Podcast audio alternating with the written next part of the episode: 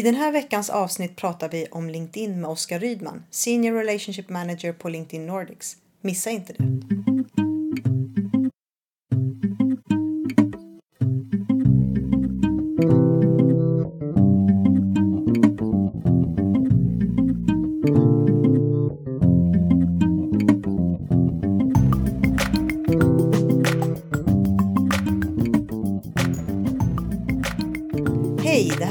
Podcasten Social by Default och precis som alltid är det jag, Sara Larsson Bernhardt, som tillsammans med Deepen Niklas Strand gör den här podcasten. Podcasten, precis som konceptet Social by Default, är ett samarbete mellan Know It Experience och Deep Edition Digital PR. Och du kan läsa mer om oss om socialbydefault.se. Om ni vill kommentera avsnittet eller har idéer för framtida avsnitt, twittra gärna med hashtaggen socialbydefault. Eller prata med oss på vår Facebook-sida. Hej Sara! Hej Niklas! Läget? Det är bra. Det är, Vinter? ja, vinter i Stockholm. Ja, det är det ju inte, men det är kallt. 27 april. Och det är kallt. Mm, det är Vi har, man har vinterkläder med sig. Liksom. Ja, det var lite tråkigt för jag hade packat undan alla mina vintersaker. Och nu är vi ju i Stockholm och har bergskurs. Ja. Och precis innan vi skulle åka fick vi reda på att det skulle bli minusgrader och risk för snö. Ja. Så det var att packa upp allting igen.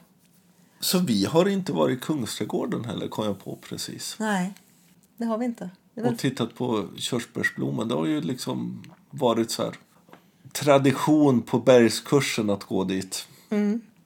Vi får väl se om vi hinner imorgon snabbis. Nästan att vi måste göra det. Ja. Så är det. Eh, torsdag idag, imorgon fredag. Det har varit en kurs. Mm, kul grupp. Annorlunda. Det är alltid annorlunda grupper, men, men det blir mer och mer utmaningar. Otroligt många olika ingångar numera. Det är Ja, en grupp med så många olika erfarenheter och från så olika branscher har vi nog aldrig haft egentligen. eftersom människor jobbar, har jobbat mer och mer med sociala medier. Alltså vi, vi går ju längre och längre, längre in i mainstreaming så är det ju att många kan mycket, en del kan en hel del och sen är det några som idag fort, fort, kommer in och börjar lära sig igen. Så det är stor spridning på kunskapen och det är jättespännande och framförallt är alla så positiva. Det är kul. Ja, det är jätteroligt. Någonting som är ganska nytt som vi i och för sig har pratat om ett tag men som vi har fördjupat mer och mer handlar ju om syftesdriven marknadsföring. Det som vi pratade om i podcasten med Björn Mellstrand för ett par månader sedan. Precis, och som vi har pratat till och från runt brand purpose-tanken och så under flera år. Men nu är det ju en, en väldigt liksom, stor del och många pratar om det. Bland annat så blev vi intervjuade av en student idag. Från Linköpings universitet Ja. som skriver sin avhandling om just syftesdriven marknadsföring. Och vi har också gjort en intervju inför den här podcasten. En eh, fantastisk kille som vi har känt länge och haft att göra med från och till. Och äntligen blev vi uppbjudna till deras kontor och blev välkomna in och har helt enkelt träffat Oskar Rydman som arbetar på LinkedIn och försökt krypa under huden på vad den här plattformen egentligen är. Precis, så det får ni höra här. Idag har vi ju, precis som ni nyss hörde, en fantastiskt rolig och trevlig gäst med oss. Oskar Rydman som arbetar på LinkedIn. Välkommen hit. Tack. Jag var inne och tittade på din LinkedIn-profil såklart. Eh, Och där står det att du arbetar som Senior Relationship Manager. Vad innebär det egentligen? Ja, vad innebär det? det undrar jag också. Jag svarar på mejl hela dagarna känns så. Nej, men det är en del av vår säljorganisation. Så jag har kundansvar. Eh, Så vi har delat upp vår säljorganisation i två delar. De som jobbar med ny kund och de som jobbar med att utveckla relationerna till våra kunder löpande. Är det någon eh, speciell branschnisch eller är det alla typer av kunder du jobbar med? Ja, eh, jag jobbar på LinkedIn i fem år och första två åren blev jag nerskickad till Danmark för att etablera vår verksamhet där. Eh, Men sen tre år tillbaka jobbar jag med offentlig sektor. Så jag har ansvar för 120 arbetsgivare som använder LinkedIn. Varför finns LinkedIn? Bra fråga. Vi eh, grundades 2003 eh, med idén om att vi skulle skapa ett professionellt nätverk. Och på den vägen är det. I början tror jag man var lite förvirrad över vad vi skulle hålla på med egentligen. Men eh, när vår nuvarande vd tog över för sju, åtta år sedan så beskrev ju han det som kallas för den professionella grafen. Eh, alltså systemet eller det digitala system som svarar på frågan vem kan vad och vem behöver vilken kompetens. Och det är det vi håller på att jobba med. Eh, och tanken är att de som använder LinkedIn ska känna att här finns det nya möjligheter inom massor med olika områden. Har det blivit så då? Man har ju då definierat vad det innebär egentligen eh, och satt upp väldigt tydliga mätbara mål som man jobbar efter. Eh, så vi har egentligen vi har några olika dimensioner vi jobbar med. Så vi har medlemmar, vi har arbetsgivare, vi har jobbmöjligheter, vi har kompetens. Eh, Och sen så har vi skolor och studenter som vi jobbar mot. Och så följer vi de nyckeltalen varje kvartal egentligen och tittar på hur långt har vi nått. Och senast igår då så släppte vi eh, nyheten att vi, hade fem, eller att vi har 500 miljoner medlemmar. Eh, och från början så satte man upp eh, analysen att eh, det finns ungefär drygt 700 miljoner personer i världen som borde finnas på LinkedIn om definitionen är kunskapsarbetare. Så vi har ju nått ganska långt då på medlemsbiten. Eh, Så i Sverige så är det 2,7-2,8 miljoner personer som finns på LinkedIn. Och när du pratar medlemmar så tänker du personkonton. Mm. Utöver det så har ni dessutom då Yes, företagskonton exakt. som kompletterar dem. Så vi har medlemmar, vi har företag, vi har jobbannonser man tänker enheterna på LinkedIn. Mm. Liksom. Men det har ju inte alltid sett ut så. 2003 sa ni att ni grundades och Mm. de första åren så var det väl väldigt mycket digitalt CV som, Ja som låg tyst på nätet.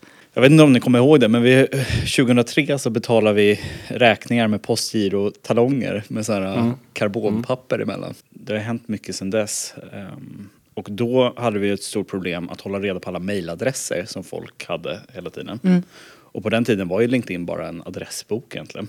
Och nu har det utvecklats till att bli ett professionellt nätverk. När kom den utvecklingen? När blev det, gick det från att vara det här CV till att faktiskt vara, handla om mycket interaktioner mellan människor? Ja, men vi har ju sett väldigt mycket hända bara de senaste två åren egentligen. Men jag tror att utvecklingen påbörjades när man satte upp idén om att vi skulle skapa det här, den här digitala arenan för liksom, kompetens eh, för sju, åtta år sedan. Men om det är 500 miljoner medlemmar, Mm. 2,8 i Sverige, så är ju det medlemmar. Hur, hur ser aktiviteten ut idag? Vi rapporterar ju, ett av de nyckeltalen rapporterar vi varje kvartal och det är ju månatliga aktiva medlemmar. Och där är det drygt 100 miljoner som är aktiva på månadsbasis. Eh, Men man ska komma ihåg att vår affärsmodell, i alla fall historiskt sett, har ju sett helt annorlunda ut mot eh, till exempel Google och Facebook. Som, eh, där allting handlar om Aktivitet. aktivitet. Så här, finns, här sätter man ju upp en profil. Man är mer eller mindre aktiv. Eh, men de, som är superaktiva på LinkedIn, det är ju sådana som jobbar med rekrytering till exempel. Som då har möjlighet att kontakta 2,8 miljoner svenskar via LinkedIn. Och de gör ju det antingen direkt via LinkedIn eller via telefon och sådär. Eh, så det går liksom inte att, att hårdra det på så sätt att säga att hur många aktiva medlemmar har vi? Det är ungefär som att fråga hur många dagliga läsare har DNs lördagsbilaga? Mhm. Men ändå så ser ju vi ändå en utveckling de senaste åren där kanske LinkedIn har blivit mer ett socialt media än det var från början. Ja. Och, och med uppdateringar, personliga varumärken och sådana saker. Men det är mycket som har hänt och det känns som att det håller på att accelerera. Eh, Så som, som jag följer det i alla fall. Så mycket utav fokuset på den senaste uppdateringen som vi släppte bara för några månader sedan har ju varit på just kom, eh, liksom dialog och eh, nyhetsflödet egentligen. Hur mycket influeras ni utav de befintliga sociala nätverk som finns? Jag menar någonstans så handlar det ju om lite hårdraget Facebook versus LinkedIn där vi har vår privata sfär kontra vår professionella sfär. Ja, Och vi såg ju också de här senaste uppdateringarna påminner ju väldigt mycket om varandra. Ja, men det, jag tror att man eh, påverkas väldigt mycket av varandra, alla sociala medier. Eh, och det ser vi väl med Instagram och Snapchat och, och så också, eller hur? Eh, och jag tror att eh, många hemsidor ser också likadana ut. Det tror jag sker löpande, den påverkan mellan varandra på något sätt. Eh, Och man ska väl veta att de som arbetar med produktutveckling på de här stora företagen, det är en ganska liten grupp av människor, även om det är stora företag, som alla bor på samma ställe och som påverkas av varandra och sådär. Och jag tror, att, eh, jag tror att vi har rekryterat folk från Facebook och Facebook har rekryterat folk från oss. Men 500 miljoner medlemmar. Ja. Vilka är de största branscherna? Eh, I Sverige då, eller om vi tittar globalt så vet jag att den största branschen på LinkedIn är hälso och sjukvård. Det är den enskilt största branschen. Eh, Tittar vi i Sverige så är nummer ett offentlig förvaltning, nummer två är IT och nummer tre är sjukvård. Eh, Så jag tror att eh, offentlig förvaltning har 174 000 medlemmar i Sverige. IT har 130 000 någonting medlemmar och hälso och sjukvård 95, 94, 95 000 medlemmar. Hur kommer det sig, förutom att då offentlig förvaltning är då där du jobbar med? Mm. Men hur kommer det sig att det ser ut så? Nej, men eh, för det första så är ju offentlig förvaltning och hälso och sjukvård är extremt stora branscher på arbetsmarknaden. Eh, En tredjedel eller någonting sånt i Sverige arbetar inom offentlig sektor. Eh, Så även om det är de största branscherna på LinkedIn så är det så att det är många som saknas där. Säg att vi har 21 000 sjuksköterskor. Jag tror att det finns 150 000 registrerade sjuksköterskor eller något sånt. Så det saknas många samtidigt. Eh, Så det är väl det enkla svaret. Samtidigt så tror jag att eh, alltså vi ser en accelererande takt där. Så bara i januari så fanns det 62 000 lärare. När jag gjorde sökningen häromdagen så fanns det 69 000 lärare i Sverige. Så det växer väldigt snabbt. Eh, Och det finns flera faktorer som påverkar det där. Dels är det ju att arbetsgivarna är mer aktiva. Det är det det brukar börja med. Vi ser en sån tydlig, liksom, eh, tydlig sväng i kurvan 2013 efter att vi hade gjort ett långt arbete under 2012 och attraherat de största arbetsgivarna egentligen som klev ut på LinkedIn och började använda LinkedIn för marknadsföring och sådana saker. För det är ganska intressant. För jag fun- satt och funderade på när du pratade nu just det här. Hur mycket är det som är ren annonsrekrytering och hur mycket är det som är att bygga arbetsgivarvarumärke, att stärka liksom, eh, varumärket i sig för att få folk att vilja rekryteras snarare än att gå ut och leta efter folk att rekrytera. Men i den, eh, på den arbetsmarknaden som vi befinner oss nu, där det är extrem brist på de flesta kompetensgrupper och därför väldigt hög konkurrens, så arbetar ju alla arbetsgivare på något sätt med att försöka förklara varför man ska välja just dem. Det är ju en väldigt stor efterfrågan efter det, upplever jag. Vem är det som, som skapar det innehållet? Jag menar, om man tittar på många företag så är det ju HR som har fått liksom LinkedIn till sig. Men HR Ja. är ju duktiga på rekrytering. Medan marknad och kommunikation är duktiga på att bygga det här runt omkring. Ja, det är, ju- det är ju verkligen så som du beskriver att det brukar liksom parkeras på en avdelning på ett osunt sätt egentligen. Eh, Man skulle vilja att eh, kommunikation och marknadsavdelningen om man har det och HR började samarbeta mycket mer. Och det är inte säkert att HR är duktiga på att rekrytera heller. Det är många arbetsplatser som inte har liksom, eh, renodlade personer som arbetar med rekrytering idag. Och speciellt inom offentlig sektor. Nu ser vi hur det ploppar upp sådana rekryteringscenter på kommunerna eh, och landstingen och sådär steg för steg. Men eh, när vi först var ute och träffade de här arbetsgivarna för tre år sedan så var det väldigt få som hade personer som arbetade med rekrytering. Som företag och organisation, hur ska man liksom förklara att man ska börja jobba med LinkedIn mycket mer? Det finns väl inget egenvärde att arbeta med LinkedIn men nu finns det, eh, i Sverige finns det 26 000 arbetsgivare och 2,7-2,8 miljoner medlemmar på LinkedIn. Om man har utmaningar när det gäller rekrytering eh, så är väl det ett bra forum att synas på. Eh, det som är unikt med LinkedIn tror jag är att det är ett renodlat och nischat forum. Det har ju varit en stor utmaning för oss att eh, vara ett nischat forum eh, eftersom de flesta som arbetar idag är relativt eh, oengagerade på jobbet. Vi hade en diskussion om det för ett tag sedan där, där det visade sig att 70 procent av de som går till jobbet idag är inte engagerade i den arbetsuppgift eller de arbetsuppgifter och arbetsplats man har. Ja. Vilket innebär att det borde ju finnas ett extremt sug för folk att byta arbetsgivare. Ja, men det som talar emot är ju att eh, 70-80 procent samtidigt säger att de inte söker arbete aktivt. Så de är varken engagerade i rekryteringsprocesser eller i sitt nuvarande arbete. Det är en stor utmaning för svenska Man vill ha lön helt enkelt. Ja, man vill gå till jobbet eh, men man är inte särskilt engagerad egentligen. Men bortom rekrytering då? Mm. Om LinkedIn är i grunden då CV och, och rekrytering och så. Den utveckling vi ser idag är ju också att det finns åtminstone indikationer att det används också i ett business to business hänseende. Att man ser det som att mm, här slipper man eh, Fånga dagens svampborden. Här slipper man Vad sa du? Svampborden? Ja, Vad är det för stora Vad är det för något dalauttryck? Nu, nu, har- nu, nu har vi varit och, och plockat svamp Är det sånt du ser på Facebook när du går dit? på Facebook och, så, så, och, och liksom fångat dag. Och Det liksom, måste vara någon lokal företeelse i Dalarna. Nej då, den, den finns nog. Det, Vi har inga, da- inga svampbord i Stockholm. det finns inga svampbord. Ni har drinkbord här. Har du sett svampbord på Facebook? Eh, ja, men jag bor ju lite sådär utanför Ja, Göteborg. utanför. Vi Ja, är ja, ju fortsätt. från landet. Okej, fortsätt. Mm. Ja, men, var ser vi framöver LinkedIn också i, i utöver rekrytering alltså, och utöver kanske vad ska man säga employer branding? Finns, finns det som vi ändå har sett tecken på att det finns ett business to business värde där? Eller är det så att Facebook kommer äta upp den delen också? Men Facebook har ju en fantastisk räckvidd nu.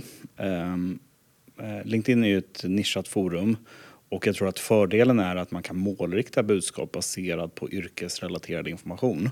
Eh, och att man kan nå personer i när de är liksom i ett forum utifrån ett professionellt perspektiv också, att de är i det mindsetet. Vad ser vi för eh, utveckling när det gäller business to business relationer, när det gäller försäljning, när det gäller... Ni hade ju en lead generator funktion. Just det. Den blev nedlagd.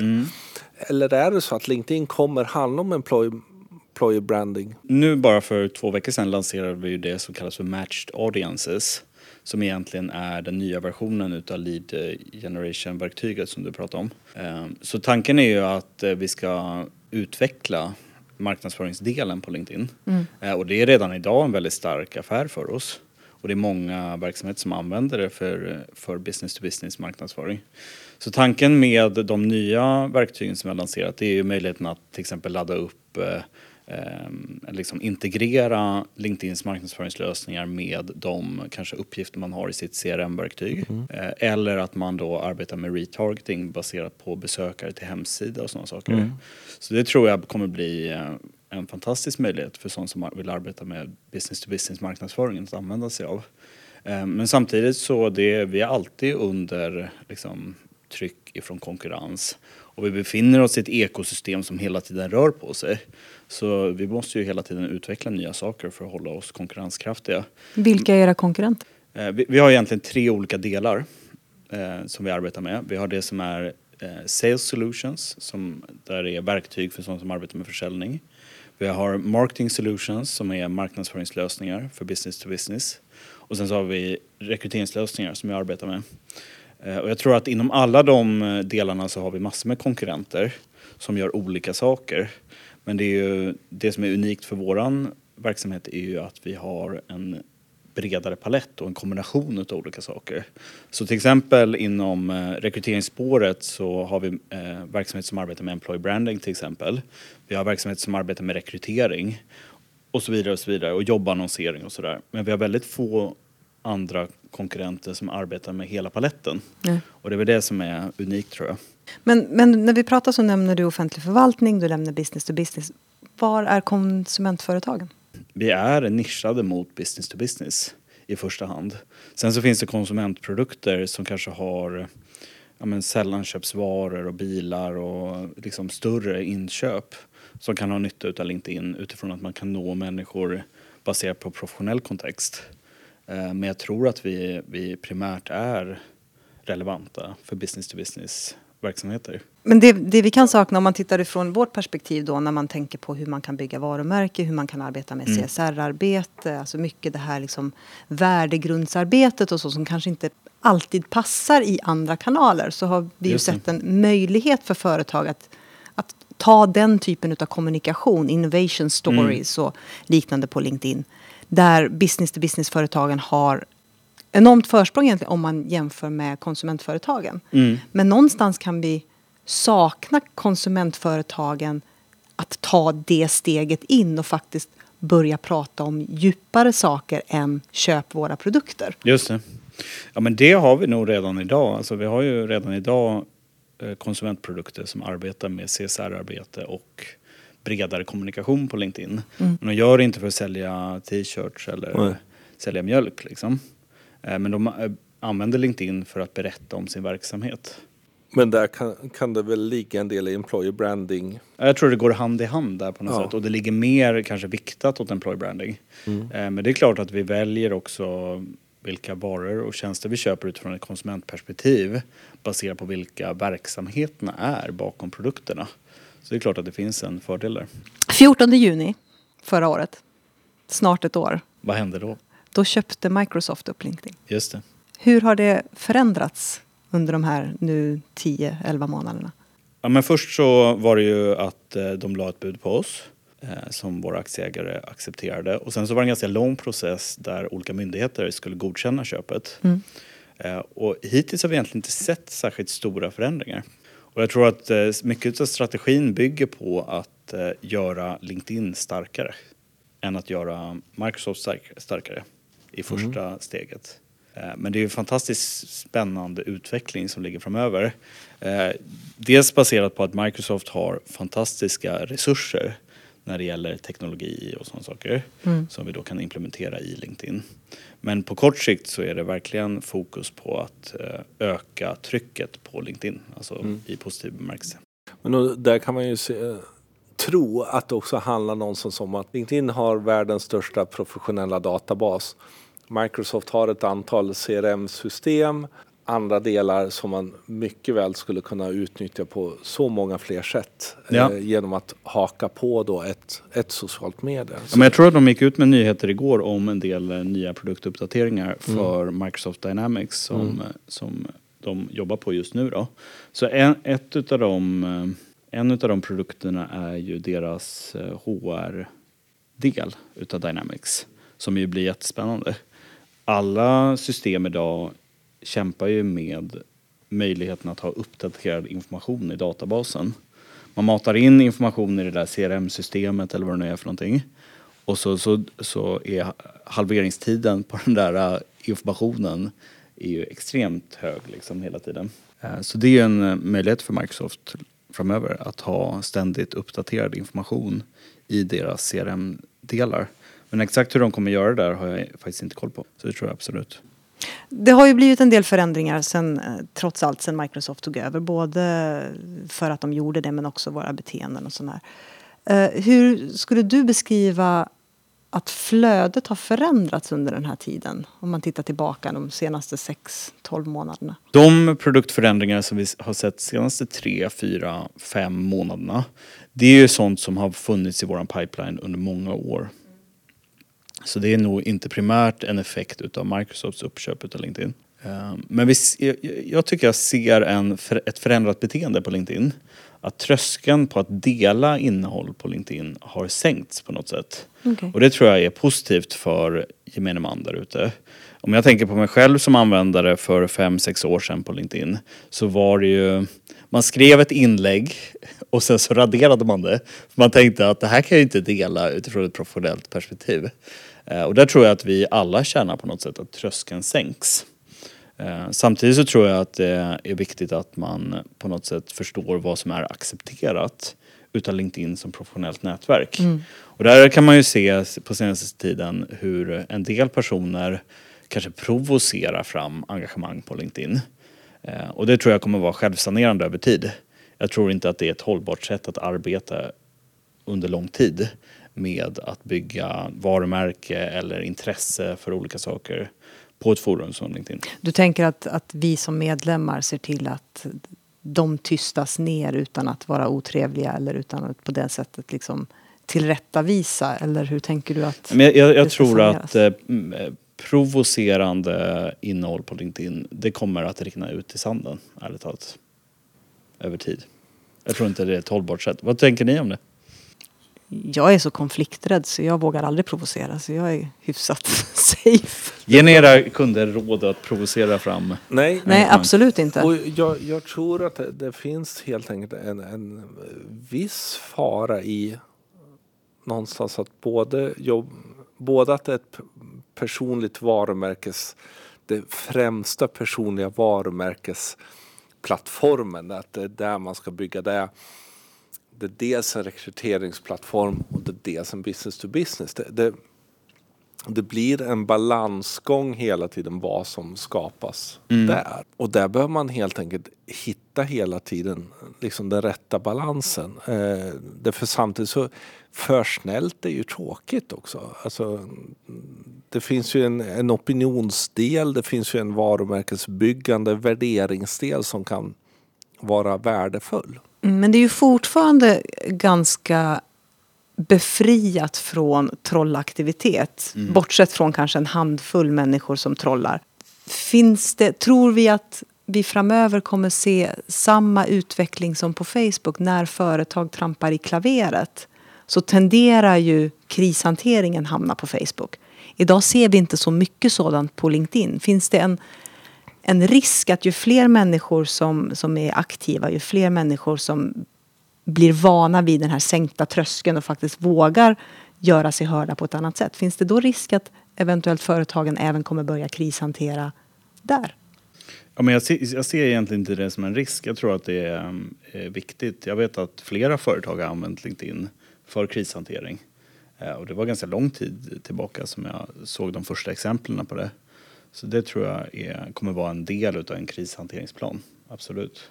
Missförstod jag din fråga? eller? Nej, absolut inte. Jag, fund, jag funderade samtidigt på om, om det fortfarande är så att vi är så mycket mer privata på Facebook att det är lättare att vara arg och trolla där medan vi är fortfarande rädda om vårt professionella jag så att just den här riktiga hatiska eh, provocerande stämningen kanske inte riktigt landar på företagssidorna där. Jag har ingen aning. Ja, det intressanta kanske är liksom i det här fallet, eh, LinkedIn är ju inte en politisk plattform. Utan det är ju liksom en professionell och så. Men en politisk plattform var ju egentligen inte Facebook heller. Men det har blivit det mer och mer idag när vi tittar på det klimat som finns.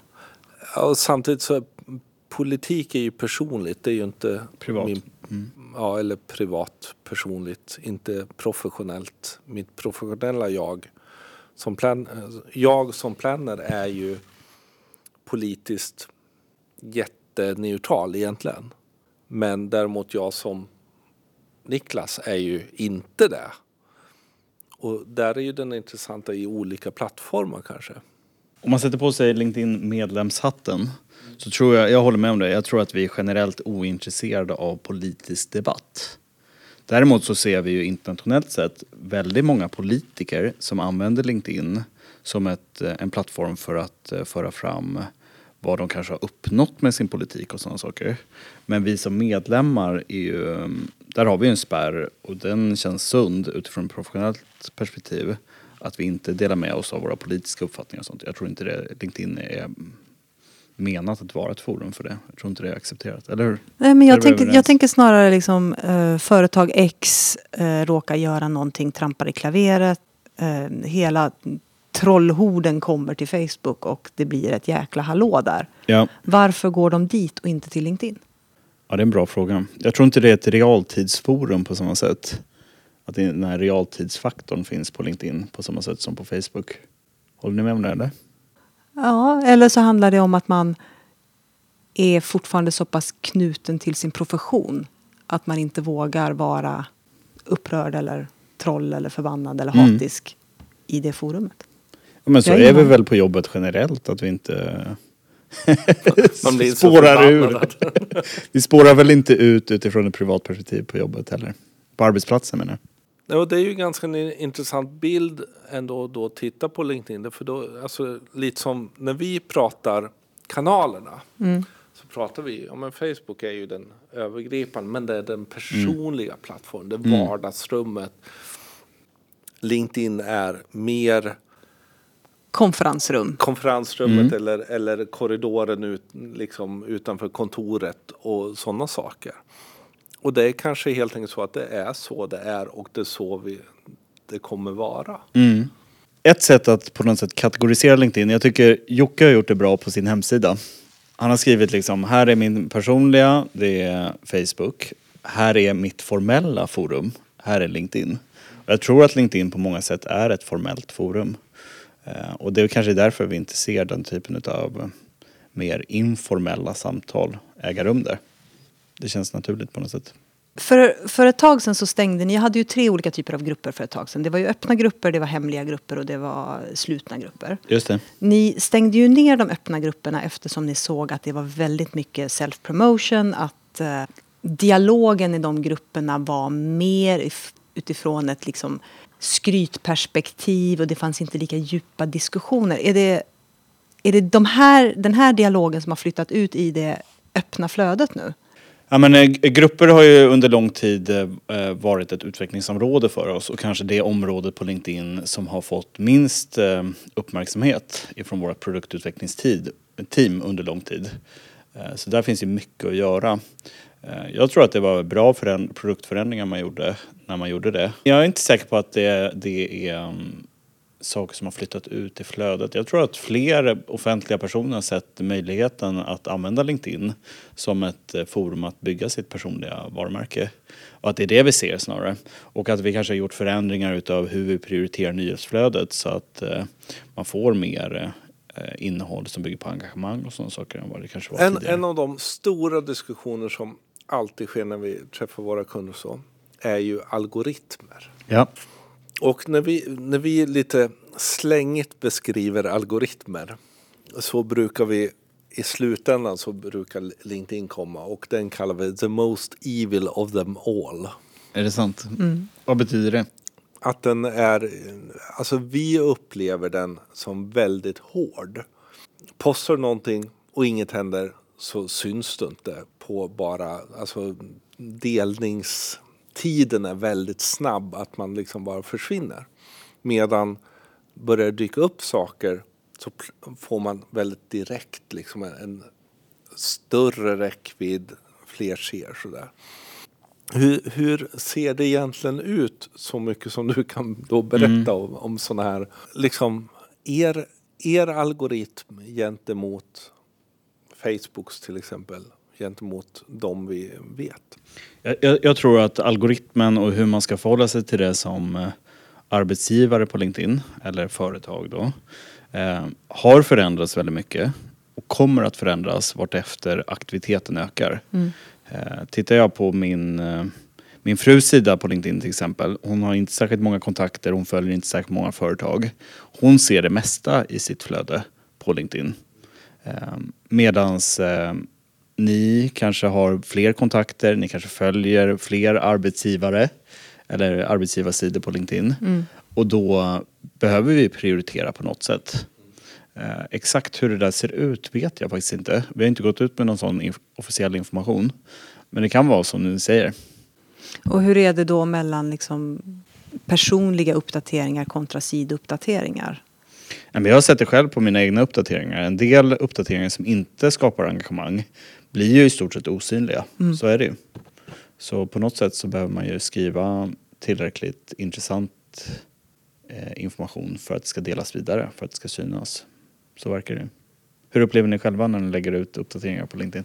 Alltså det, det det är ju det så har ju under flera år så har vi ju tittat på både våra egna men våra sidor, våra kunders sidor och så.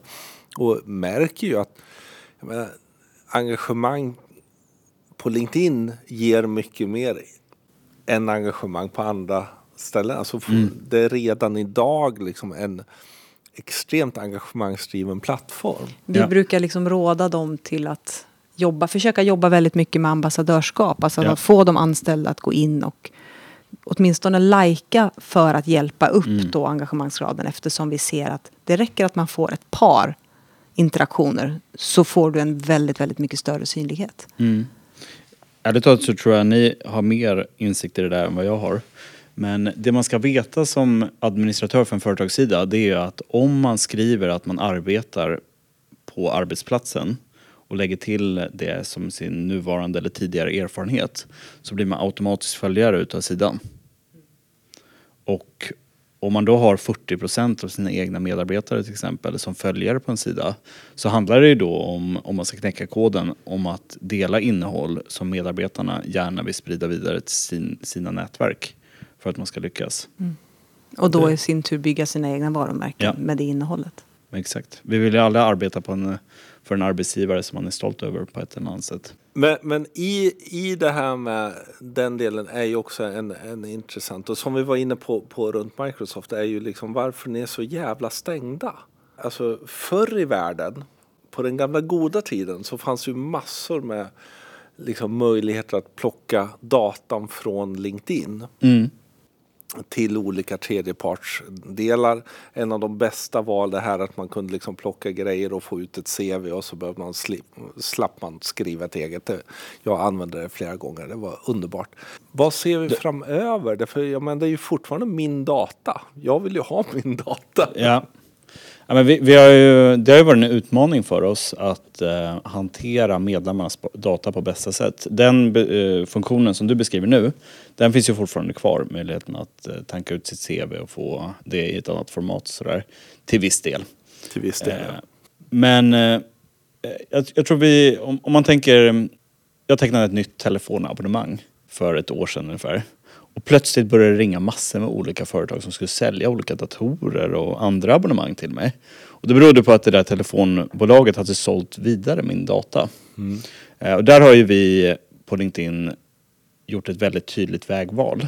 Att vi vill att om man lägger in sitt CV på LinkedIn så ska man vara säker på att det, det stannar på LinkedIn. Och det är nog skälet till det som du beskriver nu. Hur kommer det sig att vi är stängda? Eh, samtidigt så är det också en del av vår affärsmodell. Att de som arbetar med rekrytering till exempel, eller de som arbetar med försäljning, eller de som arbetar med marknadsföring, de får tillgång till data. Det är det vi säljer till de kunderna. Eh, Så det är väl två svar på samma fråga på något sätt.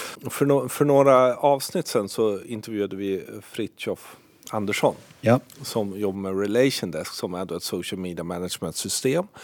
Som där helt enkelt man, man kan fida in alla sina kommentarer och allting sådana saker. Eh, men också posta postningar till sina sidor.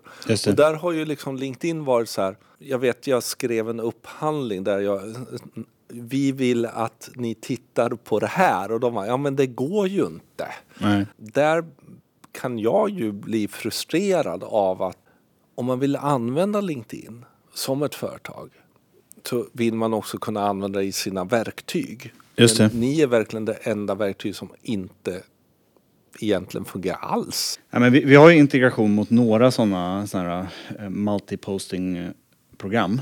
Det har vi ju. Men jag- tror ju att eh, uppköpet, eller Microsofts uppköp utav LinkedIn kommer att bana vägen för att LinkedIn kan bli en del utav affärsprocesser på ett helt annat sätt inom Microsofts ekosystem. Eh, Men det har också varit en kapacitetsfråga eh, att eh, allokera resurser till rätt saker. Vi har haft många andra saker att utveckla eh, än att utveckla stöd för hur man ska hantera sin kundtjänst på LinkedIn eller liknande. Det funnits många andra saker att ta i. Men en, en utmaning där, eller en svårighet som kanske LinkedIn i, da, i dagsläget sätter käppar i hjulen för sig själva är ju som, som privatperson idag har du ju möjlighet att blogga via Pulsnätverket. Vilket innebär att du har möjlighet faktiskt att, att bygga din expertkunskap som enskild individ. Men som sida idag har du ju inte möjlighet att vidare dela det innehållet. Vilket gör att det egentligen är två stycken ganska separata flöden. Ja, Och det gör ju att som sida har du inte möjlighet att bygga lika långa texter för sin expertkunskap. Vilket innebär att det då blir svårt att lyfta in sina experter som en del av det personliga flö- eller det företagsflödet. mm. ja det finns mycket att göra där. Jag tror ju att vi som medlemmar kanske är mer intresserade av att förstå vad liksom, produktcheferna på Apple funderar på än just företaget Apple till exempel. Eh, jag tror att vi är, i sociala nätverk så är vi, tenderar vi ju att eh, vara mer intresserade av vad andra människor säger än vad företag säger. Eh, Men det är självklart en intressant, ett intressant utvecklingsområde, absolut. Om man tar Twitter som, som exempel då så, så märker vi också att logotyper på Twitter har väldigt svårt att göra sig hörda. Utan det är personer och starka talespersoner i företag som oftast får de flesta följarna, oftast får de mest intressanta diskussionerna. Här ser vi ju då att företagskontot på Twitter tenderar att retweeta de personerna och på det, det. sättet bygga sitt eget varumärke. Ja, Men i dagsläget så finns ju inte den möjligheten mellan sidor och expertkonton. nej. Vilket gör att det blir ganska svårt för företagen att kunna nyttja ambassadörskap och expertskap. Mm. Ja, men det är väl ett utvecklingsområde som vi får jobba på känns som. Ja. Någonting vi har sett å andra sidan i branschen är att vi pratar ju väldigt mycket om influence marketing, Mm. vi pratar väldigt mycket om ambassadörer och experter. Ja. Hur har den trenden lyfts in på LinkedIn? Ser vi att det är företag som använder influencers som faktiskt bygger väldigt starka nätverk där som har möjlighet att påverka eller har det inte riktigt kommit dit ännu? Jag tror att eh, de allra flesta arbetsgivare funderar på hur de ska göra med det där. Och jag tror att det är väldigt få än så länge som har kommit särskilt långt i den resan. Eh, men alla arbetsgivare som vi arbetar med här på Stockholmskontoret funderar ju på hur de kan använda eller hur de kan kommunicera på LinkedIn tillsammans med sina medarbetare. Vi vet ju att det är, mm, om vi tittar på den genomsnittliga företagssidan på LinkedIn. Om vi skulle ta alla de följare som medarbetarna har till sina profiler så skulle det i regel vara minst tio gånger så många följare som man har i sina nätverk på LinkedIn. Så det är en fråga som alla funderar på mer eller mindre. Eh, men vad jag har sett hittills så är det väldigt få som har lyckats komma särskilt långt i den resan än så länge. Så det tror jag vi har framför oss. Eh, Vad tror ni? Nej, och jag tror, vi kommer, jag tror vi kommer se influence marketing även på LinkedIn. Hur kan jag inte riktigt se, eftersom idag ser vi influence marketing mest i snabba konsumtionsvaror. Men där blir det intressant att se vad gör det här egentligen med det professionella nätverket en sån gång? När så att säga, det blir mer marknadsföring än någon sorts employer branding. När det blir mer den här hardcore reklamaktigt. N- När, när på LinkedIn vi kommer in med alla tricks som vi har i rockärmen, vi som har jobbat mot andra plattformar. Hur Ja, perceptionen av LinkedIn kommer förändras. Ja visst. Nu sitter ju du på, på lite inside information och vi ska inte pressa dig på att två år framåt, vad tror du att LinkedIn är då? Om man vrider klockan tillbaka till 2007-2008 så kom sociala medier och det var superhypat. Ehm, men den stora frågan som många hade var ju hur får vi in sociala medier i vårt vardagliga arbetsliv på något sätt? Hur får vi in det i våra affärsprocesser? Och där tror jag att vi kommer ha nått väldigt mycket längre om 24 månader än vad vi är idag. Speciellt då i, eh, i kontexten av att vi är en del utav Microsoft-familjen. Om jag tänker på mitt eget användande av LinkedIn och Microsoft så spenderar jag mycket mer tid i PowerPoint och Excel än vad jag gör på LinkedIn. Och det blir spännande att se då hur man kan koppla ihop det där på ett speciellt sätt i framtiden då. LinkedIn under några år köpte ju upp massa saker. Eh, och samtidigt så har man inte sett så mycket av det. Vilket är ju tråkigt. Alltså slideshare och sådana saker. Samtidigt så var det ju ganska självklara uppköp. Alltså de, de, det är ju några av de mest logiska uppköp jag har sett i den här branschen. Om du skulle titta liksom slideshare och LinkedIn. Vad är det bästa sättet att koppla ihop dem på? Men Slideshare är ju en superanvänd sajt internationellt sett. Jag vet- kommer inte ihåg vad rankingen är men jag tror att det är en av de 20 mest besökta hemsidorna i världen, Slideshare. Eh, Så det är väl fantastiskt med att kunna eh, skapa integrationer mellan företagssidor och det som är Youtube för PowerPoint-presentationer. Absolut. De andra uppköpen som vi har gjort är ju Bright som är det, det system som nu ligger till grunden för vårat, vår internationella jobbaggregator som aggregerar över 10 miljoner jobbannonser varje dag. Eh, så det ser vi väl effekten av. Sen så köpte vi ett företag som nu är grunden för det som är matched audiences och så vidare och så vidare. Så jag tror att man ser det. Men de uppköpen som vi har gjort, det har ju handlat om att integrera dem i LinkedIn-ekosystemet. Så om du inte känner av dem så beror det nog på att integrationen har varit väldigt lyckad. Ett annat uppköp var i lynda.com som sen blev Link- LinkedIn Learning. Eh, som också är en stor del av vårt ekosystem idag. Så jag tror att man ser dem eh, om man, tittar tänker under huven. Ja, ja, ja. ja men Så jag tror att det är ett tecken på bra integration. Och det är så som jag har förstått Microsofts strategi så är det ju samma strategi som de har för LinkedIn. Att LinkedIn ska vara så som det är idag. Och det här är ju utifrån någonstans ett, ett privat perspektiv. Om du skulle ge råd till de som sitter på företag och lyssnar, kanske i offentlig verksamhet. Vad skulle ditt råd till dem vara om de tittar på sin LinkedIn-närvaro? Men samarbeta mer är väl eh, den stora medskicket, tänker jag. Gör det inte till en renodlad HR-uppgift att uppdatera den här LinkedIn-sidan som ni var inne på tidigare. Gör det inte till en renodlad marknadsföringskanal utan samverka mer och försöka få ihop den röda tråden som knyter ihop ert kommunikationsperspektiv, om man tänker på en kommun, ert näringslivsperspektiv med employee branding och rekrytering. Det var ju fascinerande när vi var ute 2012-2013 och träffade de stora privata arbetsgivarna för första gången. Det var inte bara vi som delade ut visitkorten runt bordet utan det var första gången kommunikation och marknad och HR träffades också. När de fick eh, träffa, när vi hade eh, liksom bokat möte med dem. Eh, för det var första gången de hade ett forum där de kunde arbeta tillsammans på något sätt. Eh, och där finns det mycket kvar att göra tänker jag. I ett sociala medieperspektiv. Är LinkedIn ett socialt medie? Jag tror idén om vad ett socialt medie är för någonting är, jag, jag tror det är brett på något sätt. Jag tror att telefonen är ett socialt medie. Jag tror att, eh, om man tänker Heta linjen, när du ringde Heta linjen på 80-talet det var liksom första embryot till sociala medier på något sätt. Jag tror att e-mail är ett socialt medie. Eh, och vad är då definitionen av ett socialt medie? Det är väl där vi på något sätt interagerar med andra på ett personligt sätt gissar jag. Och då är väl LinkedIn i allra högsta grad det. Och det har det varit hela vägen från början, även om formatet på något sätt var mer kontaktbok 2003-2004 än vad det är idag. Eller? Ja, men- Varför skulle nej, det inte vara det? Nej, men, nej, men, nej, men jag, jag tycker det är ett socialt medie gen- generellt. Det intressanta ligger någonstans i att också det finns en yt, jag kan uppleva att det finns en ytterligare dimension av LinkedIn som inte andra har. Alltså någonstans där som du var inne på, nisch, den nischade delen. Ja. Eh, någonstans att man LinkedIn hela tiden haft det. Ja men vi ska göra det här. Vi ska göra det här. Skitsamma vad ni andra gör.